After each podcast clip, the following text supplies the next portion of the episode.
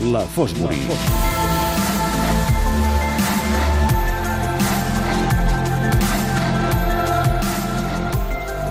Com estàs, noi? Molt bé. Arriba la Fosbury i amb què em sorprendràs avui? Mira, avui eh, no seré gaire original perquè la setmana passada ja et vaig avançar el tema. La setmana passada presentàvem aquest número d'esports de resistència de la Sí, Fosbury. sí, és veritat. Vam fer Annie Londonderry, aquella dona doncs, que va donar la volta al món en bicicleta. De la bicicleta. I et vaig dir, tenim també un altre tema que parla dels fraus en l'esport. És veritat, és veritat, no ho recordava, és veritat. I avui, com al programa doncs, heu estat parlant abans de, del TAS i tota aquesta Mm. espècie de frau també en el cas de futbol, doncs hem pensat que era el dia, el dia per El parlar. dia adequat. En frau de l'esport, segurament, doncs, eh, tenim moltes altres disciplines de la vida en què veiem frau més sovint als telenotícies, als butlletins informatius, però també a l'esport n'hi ha. L'associem sovint al dopatge, Mm. però avui aparquem el dopatge. Un dia potser hi entrarem, però avui no toca, per, per dir-ho doncs, suaument. M'agrada. S'està posant interessant, Roger. I entrem amb històries que segurament són eh, entre atractives, eh, interessants, eh, una mica inquietants, jo diria que molt bèsties, totes elles. N'hi han 10 publicades en aquest número de la Fosbury. Recomano a tothom doncs, que les miri una per una, amb Anem a calma. Avui no tindrem passada. temps per entrar a les 10, entrarem un parell d'aquestes triat 10. dues, sí, eh? sí, perquè he Vull pensat que que, era, que tens era lògic per temps. Tens al·lucinat, al·lucinada, perdó, aquesta, aquesta dona. És veritat. El té A la Carme. al·lucinada, sí, és sí, veritat. sí. Crec que ho fas molt bé. El, el no Roger la ni té un paper, entregada, però entregada. Hauries de venir cada dia, perquè està callada quan No, home, no, No, cada dia no. callada, Sí, sí, sí, sí, callada sí, sí, perquè increïble. escolto, però m'agrada perquè, a més a més, Bueno, no doncs porta... continua escoltant. Ah, vale. tira, tira. Sí, escolta aquest Ja tema perquè és, jo que diria que força, alguna. força interessant. Aquestes 10 històries sí que volia fer pinzellades perquè Vale. les tingueu presents. Tenim el cas d'un entrenador de boxa que va canviar doncs, el farcit dels seus guants del, del boxejador que entrenava per guix, de tal manera que el Uh. rival va acabar no només, diguéssim, eh, estabornit, sinó lesionat i de gravetat. Eh, tenim un aventurer que va fer la volta al món amb vela, la primera vegada que es feia en competició oficial, que va perdre el rumb de la resta de rivals, però com que encara el GPS no existia, va seguir enviant missatges com si ja estigués a l'altra punta del món quan continuava gairebé al mateix lloc de sortida. Tenim també, És un artista, eh? en el cas de la Marató de 1904, Jocs Olímpics de Sant Louis, el guanyador doncs, va fer una marca força bona, poc més de 3 hores en aquella època, era una marca excel·lent. Mm. Clar, va fer més de 16 quilòmetres dalt d'un cotxe. Això es va saber força, força temps eh, després. En els Jocs Olímpics, una atleta velocista dels anys 30 que va dominar també amb claredat, es deia Stella Walsh, al cap d'uns anys es va saber que era un home. Tenim casos d'aquests eh, de frau de l'esport total. Més recents, a Salt Lake City, 2002, recordareu el cas de patinatge sobre gel, en què hi ha una jutgessa francesa, en què a l'hora de puntuar les grans favorites els hi baixa la nota i després reconeix que tenia pressions de la Federació Russa que li havia o pagat o fet algun obsequi o vés a saber què perquè tinguessin la, la màxima puntuació les seves i no les altres. El 2000, en bàsquet paralímpic, recordarem el cas de la, de la Federació Espanyola, aquest cas Vergonyant. lamentable, en què només dos Bé. dels seus integrants doncs, complien aquest requisit de discapacitat intel·lectual que, que la resta de, de, de, de seleccions, evidentment, doncs, la- estaven, la estaven complint. més grossa. Una de les vergonyes més grosses de, de la història de l'esport d'aquest país.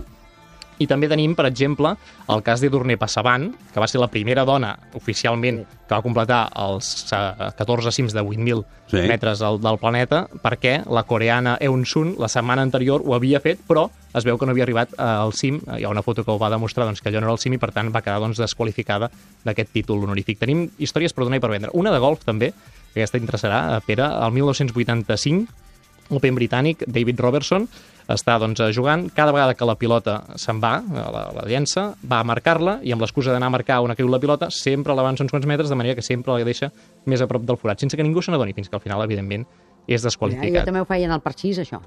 Tu sí. Sí, sí. Tu sí. És una mica de trampa, tampoc. No és tan... tan Sempre hi ha la petita és trampa trampa. l'esport. Tant. Tot es comença per trampa. alguna cosa. Exacte. La voluntat d'assolir l'èxit, la medalla, el petit joc, aquesta victòria del parxís o qualsevol història, sempre ve al punt aquest de, ostres, si les regles em van una mica més al meu favor i la resta, això és deslleial, ho sabem tots, no és competència sana, per tant no és desitjable, però, Està molt bé, deslleial. però evidentment eh, passa. Deslleial. També té el seu truquet, eh, de saber fer-ho sense que els altres És que hi ha gent que segurament ho sap eh? fer. Tots Sense- aquests els, avui els podem explicar perquè van ser descoberts. No sabem altres que Clar. probablement van guanyar, fet però, bé, diguéssim, Clar. no els han descobert. però no, encara no ho sabem. Bé, aquestes són les històries que trobareu. N'hi ha dues més que, que són les que, si em permets, doncs ara hi entro una mica més al detall. Una d'elles és de pentatló modern. 1976, Jocs Olímpics de Montreal, al Canadà. Tenim dos seleccions que són força potents en aquest esport, pentatló modern, per si algú ens està escoltant i ara s'ha posat les mans al cap, recordem cinc esports diferents, mm -hmm. eh, tenim esports tan diferents com l'equitació, esgrima, tir olímpic, natació i cross, per tant, no és com el com l'heptatló o el decatló, que són totes d'atletisme, mm. en aquest cas és totalment contrari, cinc es esports diferents, i en aquell any eh, la Unió Soviètica i també la Gran Bretanya es lluitaven l'or totalment. Entre una i altra estava la medalla d'or per equips i gairebé també individual. Portaven dues seleccions potentíssimes. Doncs bé, aquesta selecció de pantaló modern soviètica va començar força malament. Va, la primera prova era equitació, com és habitual en el pentatló modern, i va acabar quarta dins la general.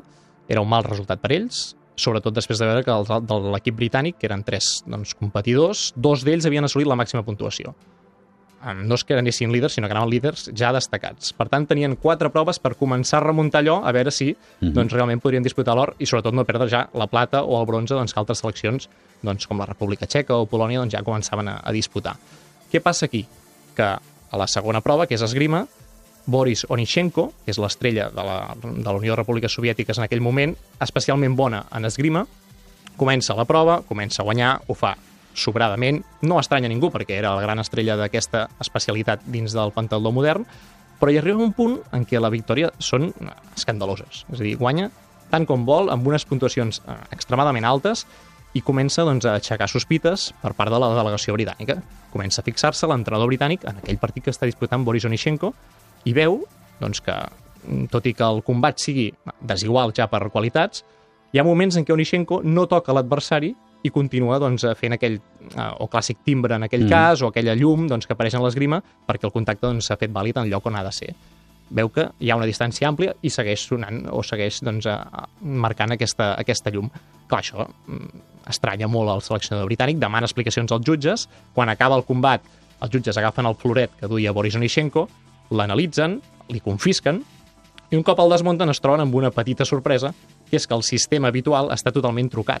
De tal manera que tenia una espècie d'artilugi, un botonet, per entendre'ns, que el mateix Onishinko, quan estava fent anar el floret durant el combat, ell mateix doncs, anava pre eh, prement un botó i mentre premia el botó, cada vegada, mec. exacte, mec, mec, mec, i anava sumant punts allà on volia ell, independentment de si allò acaba tocant doncs, el floret a, a la panxa del adversari o allà, on, o allà on fos. Per tant, evidentment, les de... va ser un escàndol, un escàndol majúscul dins de la història esportiva, més en uns Jocs Olímpics. Va ser desqualificat Onishenko, va ser desqualificat l'equip de la Unió Soviètica, per tant, dos medalles pràcticament segures que van perdre, i eh, per fixar-nos en la qualitat que tenien aquesta gent, doncs, eh, Letnev, que era un altre dels, dels soviètics, va acabar segon la seva prova individual, eh, l'altre va ser finalista, per tant, entenem doncs, que estàvem parlant de clars candidats a la, a la medalla. Eh, van ser desqualificats i aquí va acabar la història.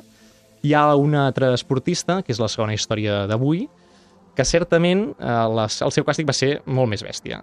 Després de fer la Quan seva trampa... això, ja em comença a posar nerviós. Tu imagina't fer un esport i estar inhabilitat 10 anys.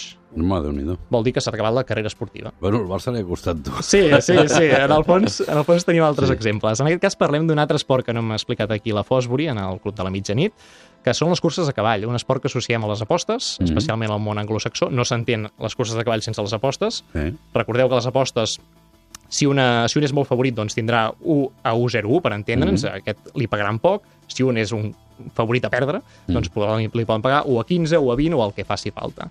En una prova doncs, que es deia Downs Delta, que és una de les clàssiques del recorregut, arribava mm, a mitja temporada, el públic, l'afició ja sabia doncs, a què s'atenia, ja sabia quins eren els bons, els genets i els cavalls, I altres estaven? quins eren els dolents. Un dels clars perdedors o futuribles perdedors es deia Sylvester Carmouche, aquest senyor tenia una aposta de 1 a 23 o 23 a 1, diguem-li com puguem, per tant, mm. havia de perdre sí o sí, si no, doncs passar alguna cosa extraordinària, i va passar. Va passar una cosa extraordinària, que és que hi havia molta boira, de tal manera que de tanta boira el públic no veia què passava a l'hipòdrom. O sigui, teníem, us heu d'imaginar, un estadi ple de gent que no està veient què passa esportivament, que anima, perquè sent cavalls o sent, sent xivarri dins de l'hipòdrom, en el terreny, però no veu com fan la volta a un hipòdrom. Un hipòdrom, doncs ja sabeu que és una mica allargat, en forma d'elipsi circular, era una sola volta, línia de sortida i línia de meta és al mateix punt, mm -hmm. els jutges donen el tret de sortida, els genets arranquen, comencen a tirar milles, però hi ha un d'ells, que és aquest senyor que es queda quiet. Ell es queda quiet, fa una aposta molt astuta, que li va sortir molt bé, i s'ha de reconèixer, va, re, va retrocedir un parell o tres de metres, els jutges doncs, van aparèixer per treure allò a la línia de sortida habitual del món dels, sí, els de les curses de cavalls, es van ja posar a punt doncs, per cronometrar l'arribada, ell, doncs, tot això no ho veia, no veia ni un borrall ningú, es va estar esperant a veure què estava escoltant. Quan va començar a escoltar cavalls que ens anaven apropant, va entendre doncs, que ja els tenia al darrere, va arrencar, òbviament va ser el primer en passar la línia meta, va guanyar, i eh, doncs, a tothom, per entendre'ns, l'havia d'haver felicitat al moment. Què va passar i per què el van descobrir? Que aquí hi ha el gran tema. Que és que, malgrat la boira i malgrat que ningú va veure res del que va passar, la marca que va fer va ser al·lucinant, diguéssim, increïble. Va calcular malament. Va calcular malament el punt d'arrencada, perquè va treure més de 60 metres amb el segon classificat, cosa que amb un hipòdrom és impossible, però a més a més, la, amb aquell dia de boira, tots els geners anaven especialment agrupats. Per tant, que un entrés amb 60 metres i tota la resta gairebé entressin junts per por a sortir-se al recorregut o a perdre's, doncs, òbviament, doncs, va ser, va ser llunàtic. Es va quedar un sol segon del rècord del circuit, en un dia de boira, un, un paio que no havia guanyat mai res. Per tant, òbviament, eh, va cantar, va cantar i va, i va quedar desqualificat, inhabilitat durant 10 anys. Escolta, tenim 30 segons. Eh, fem un cop d'ull al moment fosfori d'aquesta setmana. Molt senzill, Barcelona World Race demà, Dakar Mm. aquesta finals Sí, de setmana, esports de resistència. teníem ganes doncs, d'animar l'Anna Corbella i la Laia Santa especialment, Mm. i dir-vos doncs, que aquest Dakar ens genera també un número especial de la Fosbury, que traiem també a finals d'aquesta setmana, que parlem exclusivament del Dakar. Segur que serà apassionant. Gràcies, Roger. Que vagi bé. Moltes gràcies. Mira,